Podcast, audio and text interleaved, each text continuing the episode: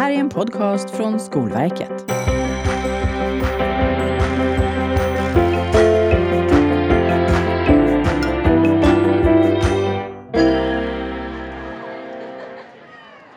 Hur kan vi bli lite mer säkra när vi ska vägleda personer med intellektuell funktionsnedsättning eller förvärvad hjärnskada? Vi vet att det finns en stor osäkerhet här, men vi vet också att det finns bra metoder och stöd att få. Om det ska vi prata med Svea-Maria Kopa som har lång erfarenhet av en metod, PATH-metoden. Svea-Maria har under många år utbildat studie och yrkesvägledare vid Umeå universitet. Hej och välkommen Svea-Maria! Hej! Jag som tillsammans med Svea-Maria ska prata om det här heter Mikaela Selmerlöw och jag är studie och yrkesvägledare men arbetar sedan många år med ett övergripande ansvar för studie och yrkesvägledningsfrågor på Skolverket. När elever med intellektuell funktionsnedsättning eller förvärvad hjärnskada får riktigt bra stöd från vägledare och sin omgivning, då har de helt andra möjligheter att formulera och att uppnå sina mål för framtiden. Vi ska prata om en särskild metod som syftar till att ge vägledare de verktyg som de verkligen kan ha stor nytta av. Vi hör ju att många känner en stor osäkerhet för att göra fel. Och man ser kanske lättare hindren än, än de möjligheter som finns. Vi känner igen det från många olika sammanhang, att, det, att hindren ligger i vägen istället för att se eh, intressen, personlighet, fallenheter som lätt, allt för lätt kommer i skymundan. Du brukar ju prata om en, en förstärkt vägledning. Vad är förstärkt vägledning? Det finns ju väldigt många människor som behöver hjälp med att driva sitt eget liv. Och den här förstärkta vägledningen den kan vara till för att hjälpa att man driver sitt eget liv, eller self-efficacy som det heter så fint på engelska. Och eh, i vanliga fall så har man ju ganska stora eh, föreställningar och eh, ganska riktiga föreställningar om vad som är alternativen och möjligheter i elevers liv i så att säga, normalfallet. Men när man arbetar med elever med funktionshinder så är de väldigt unika.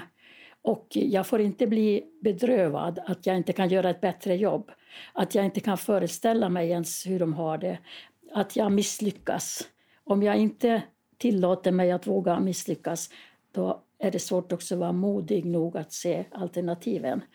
Och här får man ju verkligen vara detektiven som börjar där eleven eller personen befinner sig och få tilltro att få reda på det. Mm. Så att få tag i den här plattformen där eleven står på idag mm. och känner sig trygg. Och utifrån det börjar vägledningsprocessen. Om man inte känner sig trygg så finns det anledning att man går in i försvar och tycker inte man kan och, och inte gör sitt bästa. Så att här gäller det att få upp modet att göra mm. sitt bästa. Och då tänker du att den här metoden stödjer vägledaren i att vara det här riktigt bra stödet för, eh, för eleven eller för den sökande? Ja, och eh, det finns olika delar i det som så att säga gör att vägledaren behöver stanna upp. Och eh, det hjälper att man liksom inte hoppar över några utan mm. hjälp, hjälper till och naturligtvis också använder sina vanliga vägledningsmetoder där man eh, kan ställa öppna frågor och så vidare. Så det behövs ju en vägledare i botten med kompetens mm. men också då att man ger sig tid att stanna upp så att man verkligen har begrivit, eh, beskrivit och att jag kan eh, garantera till den andra att jag har hört vad den andra har sagt. Eller åtminstone försökt. Och vi ska prata mer om, om själva metoden, men du, du pratar ju också om att, att det är viktigt att få stöd från omgivningen i den här metoden. På, på vilket sätt? Vad, vad innebär det att omgivningen är viktig i det här sammanhanget? När det gäller föräldrar och det sociala sammanhanget så är det ju alltid viktigt. Eh, I det här fallet är det särskilt viktigt därför att det behövs stöd kortsiktigt och långsiktigt. Eh, och det är inte bara föräldrar. Föräldrar har oftast en fantastisk kompetens om vad som gäller deras barn. Eh, ibland kan det vara svårigheter för föräldrar, det är inte svårt. Men det finns säkert någon faster eller farfar eller mormor eller så. Och habiliteringen har ju kurser för mor och farföräldrar. Eh, och det borde man öka väldigt mycket mer även i skolan. Så att man får en person som blir så att säga mentor och lite spindeln i nätet och där föräldrarnas kompetens är väldigt viktigt för mm. att de vet vad som har fungerat och inte fungerat i situationen. Och även om det skulle kunna fungera i andra situationer så hjälper det ju inte för barnet är ju väldigt mycket hemma. Det är i den situationen det också måste fungera. Mm. Det kan också vara ganska tungt för föräldrar och då kan också den här metoden kanske också kan hjälpa, hjälpa föräldrarna i, i, i, i, i att staka ut och ta ut en riktning för, för sina barn i livet. Ja, absolut. Och eh, en god vägledare är också en god pedagog. Så att man, man talar om metoden så att föräldrarna förstår vitsen med den. Och det ska vara enkelt och inte alls något komplicerad. Och eh, där man utlovar en väg att eh, gå från nuet och, och hitta olika vägar till att hitta ett mål som är attraktivt för klienten och föräldrarna kanske också. Mm. Ja, för man skulle här... i sig kunna göra path bara för föräldrar. Ja. Där, för, där barnet inte är med. Och då blir det föräldrarnas path.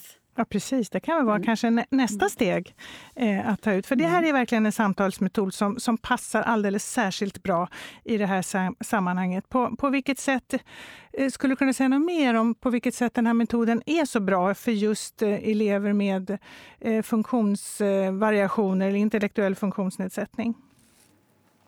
Eh, det här, I det här fallet behövs det kanske en liten påbyggnadskurs eh, också, att visualisera så att inte bara skriva de här sakerna utan också visualisera och rita. Och om barnet kan, så gärna att barnet får rita sin familj, sin mamma och, och sin syster till exempel.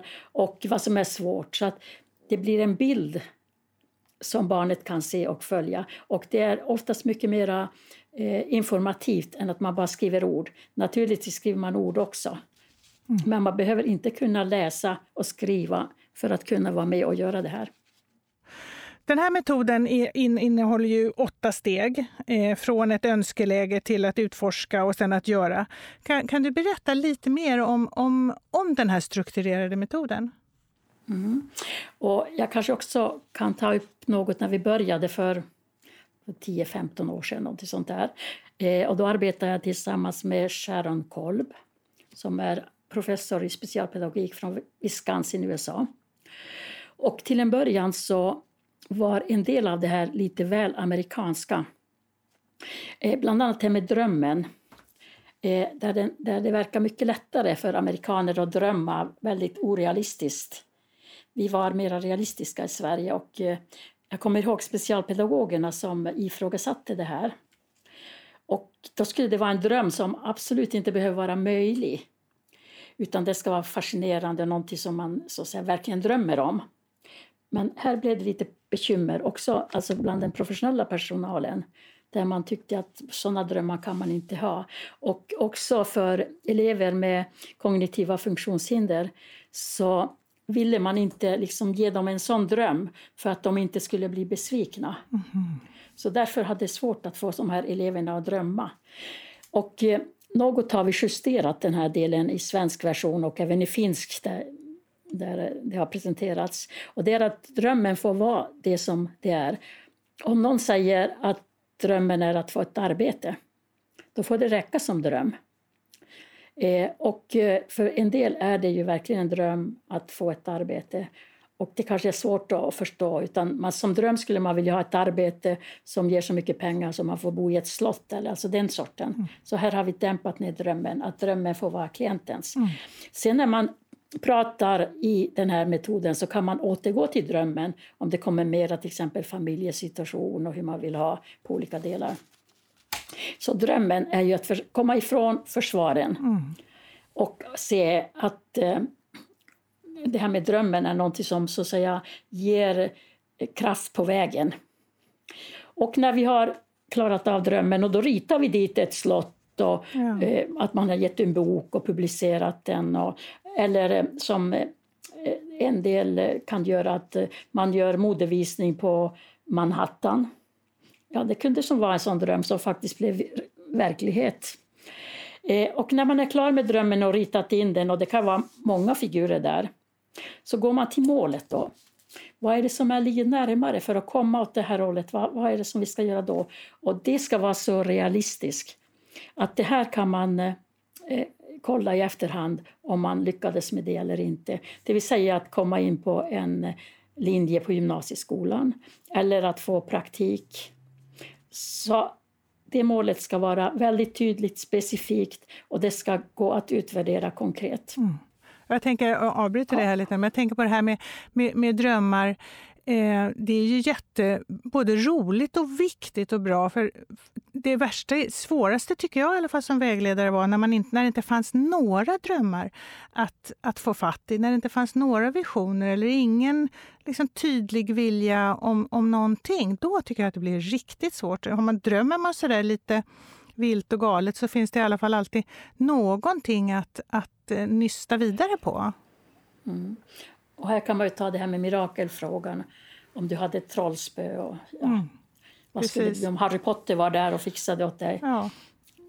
Så att man, man hittar drömmen. Men sen när det gäller personer som är utbrända så kan det vara helt omöjligt att komma fram till ett mål. Och nu är ju ganska många ungdomar också mm. väldigt, eh, väldigt nedsatt eh, intresse och förmåga och så där för att det har varit så krångligt. Och då kan man eh, fundera på vad gjorde du som liten? Vad ville du bli då? Vad lekte du med? Och så börjar man plocka drömmar från den tiden. Mm. Om någon lekte med en brandbil, fråga skulle det vara någonting som du drömde om och så vidare. Mm. Så att man plockar fram drömmar från allt tidigare år om den är svår. Ja. Om man har en hemmasittare som inte vill någonting så kan man fundera, vad är drömmen om du ska fortsätta med vad det här? Hur skulle du få det bättre och vad skulle hända då? Mm. Mm. Och de här är ju då att man har målet mm. först, gör att man inte går i så mycket försvar, att det inte går och det finns hinder och sådär. Det, det stoppar våra psykologiska försvar. Mm. När man har kommit till målet, då går man till nuet. Och det är ju oftast där vägledare eh, börjar sin eh, vägledning. Och det gäller också att nuet hitta de viktiga saker. Inte så mycket om det som har varit, bara det som spökar så att säga i nuet. Det är viktigt. Och eh, vilka personer det finns, hur det ser ut, svårigheter, vad man, vad man tänker dagligen, vad, vad som är ens eh, närvarande i ens tankegångar och vad man funderar och håller på. Och när man vet då vad som är nuet så ska jag sammanfatta det väldigt konkret. Och där kanske också finns ett problem. Och eleven ska acceptera det här. Och här ritar man också att du har svårigheter med, när du ser skola, då skriker du nej, nej, nej. Och, så att man riktigt ser hur mm. nuet ser ut. Och då vet vi det och vi är överens. Och jag har verkligen beskrivit och garanterat att jag har lyssnat på dig, jag har förstått vad du har sagt. Eh, sen kommer vi till personer som ska engageras det är fler personer än man gör i den normala vägledningsprocessen. Utan här ska man kolla vilka som finns omkring personen. Och där finns det ofta väldigt viktiga personer, alltså morfar eller farmor eller faster eller granne. Att man verkligen får med dem och vad kan de hjälpa med? Så att personen får en, en eh, skador av personer som man kan hjälpa och som kan göra olika saker. Pappa kanske kan hjälpa med engelskan och mamma kan hjälpa med matte. Och så har vi mormor som kan hjälpa med att få allt att fungera och så vidare. Så man plockar fram de viktiga personer. Och här finns också idrottsorganisationer. Mm. Det finns kyrkor och våra invandrarelever. Där finns kyrkan ofta på ett mer eh, aktivt sätt än det gör för, för våra svenska ungdomar. Så verkligen hitta viktiga personer. Mm som kan engagera och hjälpa dig. Och sen går man över till femman då. Och eh, för att du nu ska börja nå det här målet, vad behöver du göra? Är du dålig i engelska till exempel och inte kommer in på någonting, då, då hade vi pappa. Och då engagerar vi, funderar vi kan engagera pappa där och vad kan han göra? Och mormor som skulle ta hand om att du kommer till skolan och sådär. Vad skulle vi få, kunna få be henne att göra specifikt? Mm. Och vad skulle hon kunna träna dig med? Ja, mormor kanske skulle kunna träna när du går till din praktik. Vad ska du säga till chefen på praktiken? Så tränar man och bygger de styrkor där. Eller eh, Eh, om du behöver träna fysik, då kanske du har en bror som kan ta ut dig på en löpträning och så vidare. Så för att vilka styrkor ska du bygga och var ska du få den hjälp som ska bygga? Och vad kan skolan göra? Där kommer klassföreståndaren och vägledaren och psykologen och skolsköterskan och alla möjliga vaktmästaren. Så när du bygger dina styrkor och tränar upp för att göra bättre, det som de kurser du ska göra som ska hjälpa dig vidare, mm. de styrkorna kan du bygga och träna. Och eh, sexan, då kommer vi till den, vilka saker ska du göra den närmaste tiden? Och då är det att ta kontakt med mormor eh, och, och vaktmästaren och så där vidare. Och så gör man en konkret att du ska inom eh, fyra månader ska du ha tränat på hur, vad du ska säga när du går träffar nya människor eller en arbetsplats. Du ska ha eh, börjat träna kondition och då har du gjort fem, fem gånger har du sprungit med din brorsa. Mm. Så här gör man väldigt konkreta mål de, de närmaste månaderna. Eller veckor om man nu så vill. Man kan ju välja vad man tar. Och eh, sen gör vi en väldigt tydlig plan de här sexorna med målsättningar medan sjuan gör, där sätter vi in datum, vi sätter planen in där, vi sätter vem som ska hjälpa dig och hur din, din plan ser ut. Och sen går vi till åttan. Vem sätter igång planen? När ska du exakt göra vad? Och då kanske det blir att den eh, eh 6 oktober då ska du ringa mormor och bestämma tid och den 7 oktober någon gång så ska mormor ta med dig och göra det här. Och då kör man igång planen. Ja, jätteintressant. Eh, och du har ju arbetat länge med den här PAS-metoden och utbildat många vägledare i, i den. Och du gör ju det fortfarande på, på, på kurser som, som vi på Skolverket eh, köper, där väg, som vägledare kan, kan eh, söka och, och gå. Har du några särskilda guldkorn som du skulle vilja dela med dig av? Ja, när jag jobbar med studenter så brukar jag ju ta deras eget liv, så någon får vara min klient. Och det populäraste ämnet är hur ska jag göra en bra eh, uppsats eller ett bra examensarbete. Och när det gäller deras liv då försvinner det här med att eh, behöva mer kompetens om eh, sig själv och annat, för det har man ju redan. Så att då kan man fokusera sig väldigt mycket på metoden. Och det fungerar utmärkt när man ska göra ett vetenskapligt arbete eller mm. skriva en bok. Och det här går också att använda i grupper. Om man gör den i, en hälsot i ett hälsoteam så är det ett grupp, då är barnet i fokus någon vägleder och sen frågar man de andra, de får kommentera det som barnet säger. Och mm. Eh, det går också att göra grupp där man har samma problem och så diskuterar man allt eftersom. Den eh, häftigaste gruppen jag hade det var eh, på en geriatrisk klinik där Oj. allihopa var med från kliniken. Oj. Och då kunde man eh, i modellen ha att man har en patient, anhörig, man har kommunen, man har alla berörda där så att man inte arbetar mot varandra. Vilket var väldigt bra metod även där. För oftast pratar man med kommunen för sig och, mm. och sjukhuset och anhöriga för sig. Och nu får alla veta exakt. Och det samma gäller ju hälsoteamet. Om man har med eh, handledare och eh, lärare och alla som är tillsammans med eleven. Även om man inte säger så mycket så får de veta det som är. Och här gäller det för den som leder det här att verkligen se till att eleven får vara i centrum, får vara i fokus. Mm. Ja, vilka, vilka fina guldkorn. Har du några erfarenheter från några, några gruskorn som du kan säga något om? Eh, där finns det ju en del. Om man tror att man kan ta metoden och använda den utan att kunna vägleda, utan att kunna lyssna, utan att kunna ställa öppen, öppna frågorna så kan det ju bli att det blir som ett förhör där man snabbt rusar sig igenom.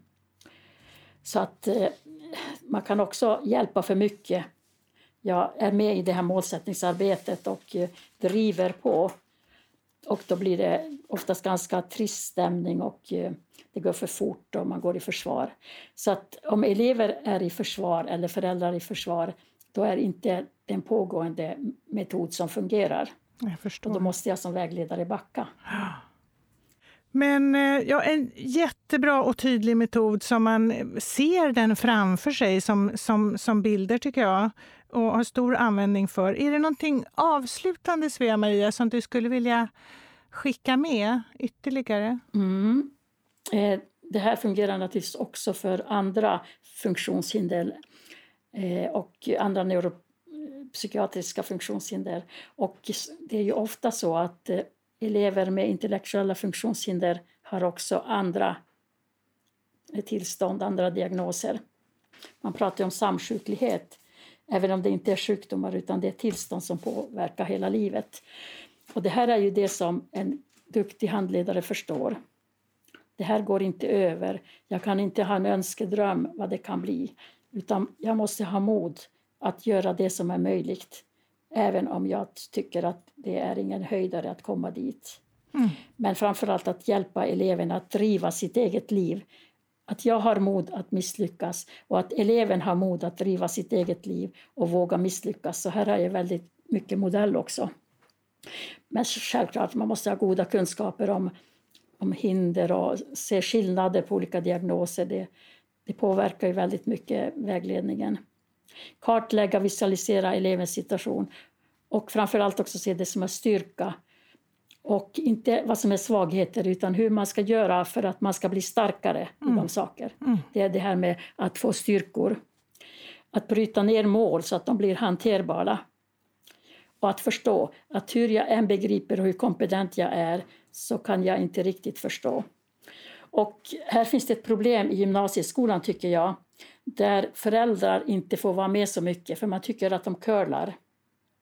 Och en del föräldrar curlar personer, sina elever så mycket så att eh, de klarar av situationen. Så att eh, man skulle behöva ha mer öppenhet i att föräldrar medverkar även om elever är över 18 år. Mm.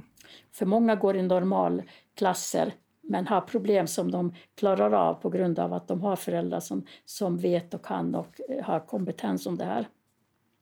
Så ja, gärna curling som hjälper eleven framåt. Istället för en hotfull, osäker framtid så försöker man få framtiden att bli hoppfull, osäker. Ja, och att se möjligheterna istället för hindren tycker jag att du har visat på jättetydligt att den här metoden kan verkligen underlätta för vägledare att ha ett, ett jättebra verktyg att när de ska vägleda elever för att ta fram styrkor och utnyttja och använda sig av alla de resurser eh, som finns runt omkring den enskilda individen på ett väldigt strukturerat sätt. Då får vi eh, avrunda med det här då, Svea-Maria, och tacka dig så jättemycket. Tack så mycket själv. Vill du som lyssnar på det här veta mer om PATH-metoden eller kanske till och med gå en kurs så finns det mer information på Skolverkets hemsida om det.